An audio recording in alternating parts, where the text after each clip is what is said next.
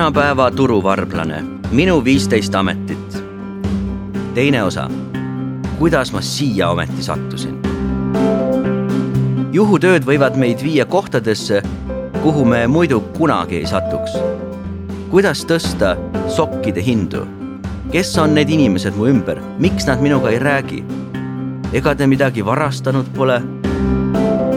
statistikaameti andmetel on meil üle kahekümne viie tuhande poemüüja, mis teeb sellest kaugelt enim levinud ameti Eestis. me kõik oleme poemüüjatega kokku puutunud. meil kõigil on neist oma arvamus või eelarvamus. tihtipeale me ei näe neid või ei mõtle nendele, nad lihtsalt on. aga kuidas nad on?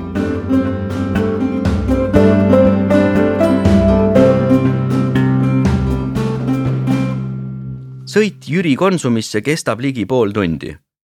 katsun peas kokku lüüa, kas teeniksin esimese töötunniga kütusele kulunud raha tagasi.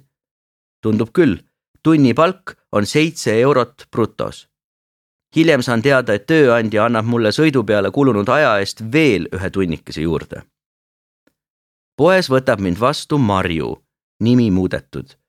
pika kogemusega poemüüja, kes nagu hiljem välja tuleb paistab teadvat peast iga kauba asukohta ja hinda, isegi seda, kuna ja kui palju see hind on muutunud. lisaks näib ta tundvat kõiki kliente nägu ja nimepidi. ikka ja jälle jääb ta kellegagi rääkima, teeb mõne nalja, samal ajal korjates sujuva kergusega kokku kõik mahajäetud tšekid. tõeline professionaal.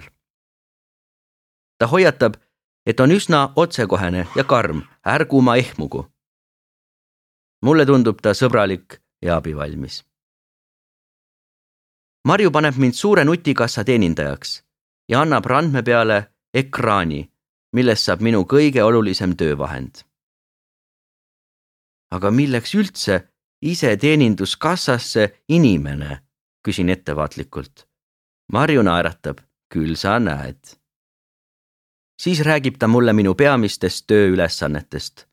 aidata inimesi kui neil tekib nutikassaga mõni probleem, näiteks kaalu erinevus. kontrollida dokumenti, viia läbi ostukontrolle ja anda selle eest maius.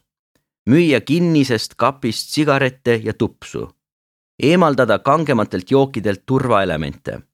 koguda kokku nutikassa puldid ja viia need laadima. korjata üles tšekid ja muu praht ja nii edasi infot koguneb kohe alguses kole palju. kõige paremini jääb meelde see, et kui tekib mingi jama, saan ma oma laua alt kella lasta ja abi kutsuda. kui on väike jama, siis ühe korra, kui asi on juba päris hapu, siis kolm korda. Marju tõsineb ja ütleb, et kui mul õhtul kassast raha puudu jääb, tuleb mul kõik viimse sendini oma taskust kinni maksta. neelatan raskelt lisaks tuleb tema jutust välja, et nad on küll ja küll tagasi saatnud ampsejaid, kes hakkama ei saanud. kõigile see tempo lihtsalt ei sobivat. siis naeratab ta julgustavalt ja libiseb märkamatult poelettide vahele. peas kummitab mõte, et midagi olulist jäi kindlasti küsimata. kompan käega veel ühe korra laua alla, et veenduda, kus see hädaabinupp täpselt oligi. vahepeal on kell saanud kümme ja poes on veel üsna vaikne. mõni üksik inimene vantsib nutikassasse ja sooritab ostu. minu abi vaja ei lähe. seisan oma leti taga nagu võõrkeha. oleks mul siis vähemalt õpilase silt rinnus.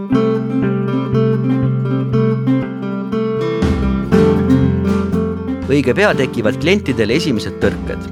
sellest annab mulle teada ekraan randme peal. kassa number viis, kaalu erinevus ehkki ma täpselt ei mäleta, mida ma tegema pean. tõttan kliendile tähtsalt appi, piiksutan oma kaelakaardi läbi ja vajutan nutikassa ekraanil mingeid nuppe lootuses, et tõrge laheneb. saabki korda, klient on rahul. siis teen järgmisele kliendile ostukontrolli, piiksutan tooted läbi ja annan talle väikese šokolaadi. klient naeratab. tervitan saabuvaid kliente, lahkujatele soovin head päeva jätku kuid alates lõunast läheb elu nutikassas korraga väga kiireks. ekraan mu randmel ei anna enam sugugi rahu, muudkui plingib ja piiksub. kaalu erinevus, ostukontroll, vanuse kinnitamine, vigane makse, kaalutõus, kaalulangus. selle segaduse keskel saan Go-Workabitilt sõnumi, et olen valitud homme tööampsule. kuhu see nüüd oli? Siis käib hele plaksatus, kellegi tšillikaste kukkus ostukaru vahelt maha, terve põrand on punast kleepuvat vedelikku täis. ehkki nutikassasid on ligi kümme, on järsku tekkinud järjekorrad. üks klient laiutab käsi, teine ohkab, no kaua võib nüüd ei aita muu, kui vajutada nuppu. vajutan kohe kaks korda. Marju on üsna kiiresti kohal. ta võtab mängleva kergusega ette ühe nutikassa teise järel, küsib klientidelt, kuidas isa elab või kuidas kurgid kasvavad ning peagi oleme suurema ummistuse kõrvaldanud. aga kiire on endiselt. ekraan mu randmel muudkui plingib ja piiksub. Lähen üht noorsandi kontrollima, kas ta võib ikka siidrit osta. küsin dokumenti sünniaasta kaks tuhat neli. kas on piisavalt vana? peast arvutamine pole mu tugevaim külg, lisaks on tööpäevast juhe juba üsna koos.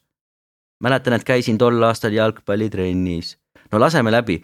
hiljem märkan leti peal karbis väikest spikrit, kus on kirjas, et neljateistaastased, alla selle ei tohi tulemasinaid müüa, on sündinud kahe tuhande kaheksandal aastal. kuueteistaastased energiajoogipiirang kahe tuhande kuuendal aastal ja kaheksateistaastased kahe tuhande neljandal aastal. tõele au andes, vahepeal läks nutikassas nii kiireks, et ega ma päriselt ei teadnud, kas noor, kes energiajooki või alkoholi ostab, on ikka piisavalt vana. kiiruga nutipulte laadima pannes takseerisin kaugelt. habe kasvab, laseme läbi.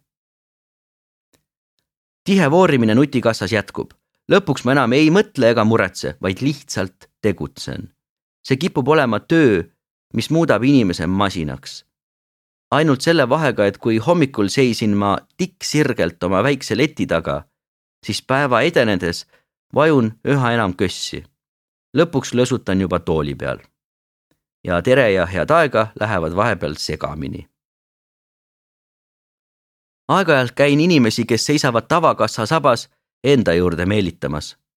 tulge julgelt nutikassasse, siin saate kiiremini. Nii tulebki üks mees minu juurde, kallab peotäie väikeseid sente minu ette lauale ja palub kaks pakki sigarette. loen tema kahe ja viie sendiseid kuskil kümme minutit, nii et teised kliendid, kel on nutikassas mingi tõrge, peavad ootama. kuulen taas nihelemist ja ohhetamist-ahhetamist. liigne agarus maksab kätte pärast tööpäeva järgseid tihedamaid tunde läheb poes korraga väga rahulikuks. ehkki olen varsti juba üle kümne tunni töötanud, on aeg möödunud lennates. nähtust ja kogetust on pähe sättinud kolm mõtet. esiteks see, kui tihti vajab niinimetatud nutikassa ikkagi inimese abi. peamine probleem on kaalu erinevus. nutikassa ei tunnista kas väga kergeid tooteid või ajab teda segadusse see, kui inimene pakib soojatoidu letis ühte kotti, mis on väga mõistlik, mitu erinevat toodet. Teiseks see, kui palju ostavad inimesed energiajooke. ja kolmandaks, sularaha on väga populaarne. ligi kümne nutikassa hulgas on üks kassa, mis võtab vastu ka sularaha. selle taga oli pidevalt eraldi järjekord. kolmeteistkümnes tund on tõetund. Marju tuleb mu kassat kontrollima. ta loeb raha mitu korda üle. Neid sente, mille eest kaks pakki sigaretti osteti, loeb ta kolm korda kiiremini. ja ütleb, et kõik klapib. ma ei ole poodi vaesemaks teinud ega kliente koorinud. kas tuled homme ka? uurib Marju. teda ootab homme sama pikk päev. ei, lähen teisele tööle, vist oli laos väljas on juba pime, kui ma oma higise särgi tagasi annan. tänan Marjut ja teisi kolleege toreda seltskonna, mõistva suhtumise ja abi eest. Nad olid tõelised professionaalid. õhtul vaatan järele, et teenisin pika päeva eest üheksakümmend neli koma viis eurot. lisaks tahab platvorm, et annaksin tööandja kohta tagasisidet. seejärel uurin, kuhu ma homme minema pean, kuidas ma sinna saan, mis riideid on vaja ja millega veel peab arvestama. magama saan keset ööd näita oma kott ja taskud ette. järgmisel hommikul kell kaheksa olen ühe laevafirma laos. mulle vaatavad vastu lõppematuna näivad maast laeni riiulid, mis on täis eri suurusega kaste, karpe ja pakendeid. inimesed riiulite vahel sibavad nagu väikesed putukad. siin tundub olevat justkui kogu maailma kaup. kuigi tegelikult jätkub sellest vaid ühe väikese riigi laevafirma laevadele ja sedagi kõigest mõneks ajaks. Minu töö on sõita ringi elektrilise rokklaga, seda kutsutakse kutsikaks, puldiga tellimuse ees ja komplekteerida kaup, mida üks või teine laev vajab. kutsika taltsutamine läheb väga visalt, pööramine on konarlik, koha pealt minema söösmine nii järsk, et lööb laadungi ohtlikult kõikuma.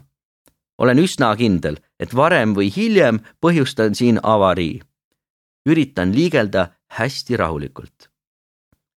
euroalused täituvad kõikvõimaliku kraamiga, juustu, burgeri, paberite, kurakao siirupi, tutti-frutti, geisha kommide, soolapulkade, boržommi vee ja muu taolisega, mida laevareisijatel mõnusaks äraolemiseks tarvis. Peagi saan enesekindlust ja julgust juurde ja vajutan ka kutsika pedaali kõvemini. pääsen napilt kokkupõrkest kastitäie Fantaga, kuid järsku pääsen napilt kokkupõrkest kastitäie Fantaga, kuid järsu keeramise peale lendab kasti otsast minema alusetäis Pringleseid. mõne aja pärast pidurdan järsult ja samad krõpsud pudenevad uuesti betoonpõrandale. vaatan ümberringi, ega keegi ei näinud. lõunaks pakub tööandja tasuta kohvi ja suppi, mis on väga tore. võtan kohe mitu portsu pärastlõunal jätkub sama töö. olen imepisike lüli hiiglaslikus ja keerulises globaalses tarneahelas. ajan taga tooteid, mida keegi mõnel Rootsi kruiisil laevapoest endale korvi tõstab. huvitav, kas ta võib hetkekski mõelda, et selle Toblerone temani jõudmisel oli natuke ka minu käsi mängus. kiman kutsika seljas mööda ladu, tunnen, kuidas kiiruse lisamisest tekkiv tuul mind õrnalt jahutab ehkki see on alles minu teine amps, tunnetan korraga sellise tööelu omalaadset võlu. vahet pole, mida ma teen või kuidas ma hakkama saan. homme on juba uus päev, uus töö, uued kolleegid, uus ülemus. ma ei pea kellelegi midagi tõestama. Tahan kõrgemalt riiulilt kätte saada siirupeid, aga hästi ei ulatu. proovin end ettevaatlikult ühe jalaga aura mahlapakkidest koosneva kasti peale toetada, aga vajun läbi paha lugu, aga mis seal ikka. paari tunni pärast olen siit läinud ega tule enam tagasi. muidugi ei tähenda see, et hakkan köit lohistama või meelega sigatsema. tahan lihtsalt öelda, et ilmselt on tööampsaja pühendumus ja vastutus veidi teine kui palgalisel töötajal. kui eilne kolmeteisttunnine päev on veel hästi meeles, möödub tavaline kaheksatunnine vahetus, mis venib lõpuks siiski üheksatunniseks nagu niuhti. sellest päevast jääb mulle näppude vahele viiskümmend kaheksa koma viis eurot. Ülejärgmisel päeval avastan end hommikul kell seitse inimtühjast Ülemiste keskuse parklast. mul on vaja saada Sinsei poodi, aga kõik uksed on kinni. jalutan ümber Eesti suurima kaubanduskeskuse, lõpuks leian kauba laadimispunktist ühe poikvel ukse, kust sisse lipsata minuga liitub üks noor poiss, kes ütleb, et läheb samuti Sinseisse. pikaajalisema töötajana ta teab, kuhu inimtühjas ja veidi tontlikuna näivas keskuses minna. Mina pole Sinseis kunagi käinud, pakun, et nad müüvad riideid. poes on palju suuri kaste ja palju noori tüdrukuid. Nad vaatavad mind õrna muigega ja pilgutavad oma ripsmepikendustega silmi. keegi midagi ei räägi, aga saan aru, et esimene töö on kastide tühjaks kolimine. raadio pannakse mängima, tundub, et Sky pluss. kastidest tulevad välja laste pidžaamad, kassipildiga päevikud, naiste käekotid. hõõrun uniseid silmi ja mõtlen, et kuidas ma siia ometi sattusin. jah, nii läheb, kui ülepeakaela igale poole kandideerida. huvitav, missugune mu motivatsioonikiri võis välja näha peagi on kastid tühjad ja ma lähen tagaruumi vett jooma ja hinge tõmbama. küsin ühe noore kolleegi käest, mis klassi ta läheb. kümnendasse, vastab ta. Märkan, et puhkeruumi laua peal on alkoholivaba rabarba. Lähen küsin ülemuselt, kes paistab olevat kõige vanem, et mida ma järgmiseks teha võiksin. ta arutab korraks kolleegiga ja viib mind sokiriiuli ette. järgmised kolm tundi kleebin Hot Wheelsi sokkidele uusi hindu. kolme koma neljakümne üheksa euro pealt nelja koma neljakümne üheksa euro peale. Seejärel püstitan neist uue ja uhke paneeli. hiljem tõstan teistegi sokipaaride hindu vahepeal hakkab poekõlaritest kostma muusikat. kell on juba sealmaal, et kauplus avatakse külastajatele tõusen keset sokimaailma püsti, ringutan ja haigutan magusalt. nurga tagant ilmub mu ette ema koos väikese tütrega. järgmine ülesanne on läbi viia käekottide hinnatõus. Võtan kastist Harry Potteri pildiga koti, kleebin talle uue hinna peale ja riputan seina peale konksu otsa. vahepeal on poodi siginenud juba üsna palju rahvast.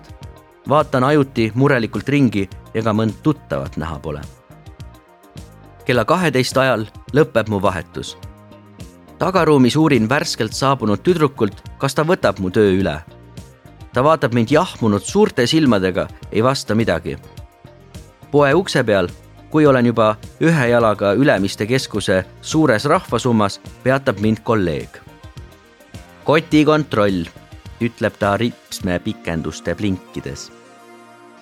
näitan oma koti sisu ette, ainult vesi ja pusa millegipärast tahab ta ka mu tagataskuid kontrollida. soovin talle head päeva jätku ja kiirustan alla Rimisse. toidupoest tunnen end kuidagi kodusemalt. Ehkki minu soov oli igaks päevaks tööots leida, piirdusin teisipäeva, kolmapäeva ja reedega. kolme tööpäeva eest teenisin sada kaheksakümmend koma viis eurot. samas on tunne, et ka nii-öelda vabad päevad möödusid töökuulutuste sirvimise ja kandideerimise tähe all. lõin kokku, et olin esimese nädala lõpuks kandideerinud kolmekümmend kahte kohta. päris tihe sõel, kõigest iga kümnes tööandja avab mulle oma uksed. loodetavasti saan selle nädala tööandjatelt positiivset tagasisidet ja tööle saamine läheb edaspidi kergemalt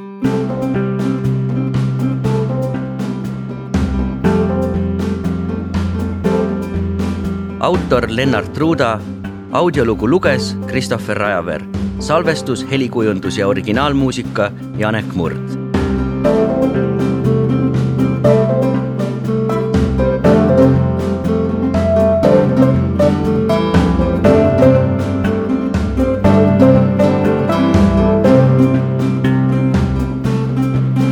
Levila kaks tuhat kakskümmend kaks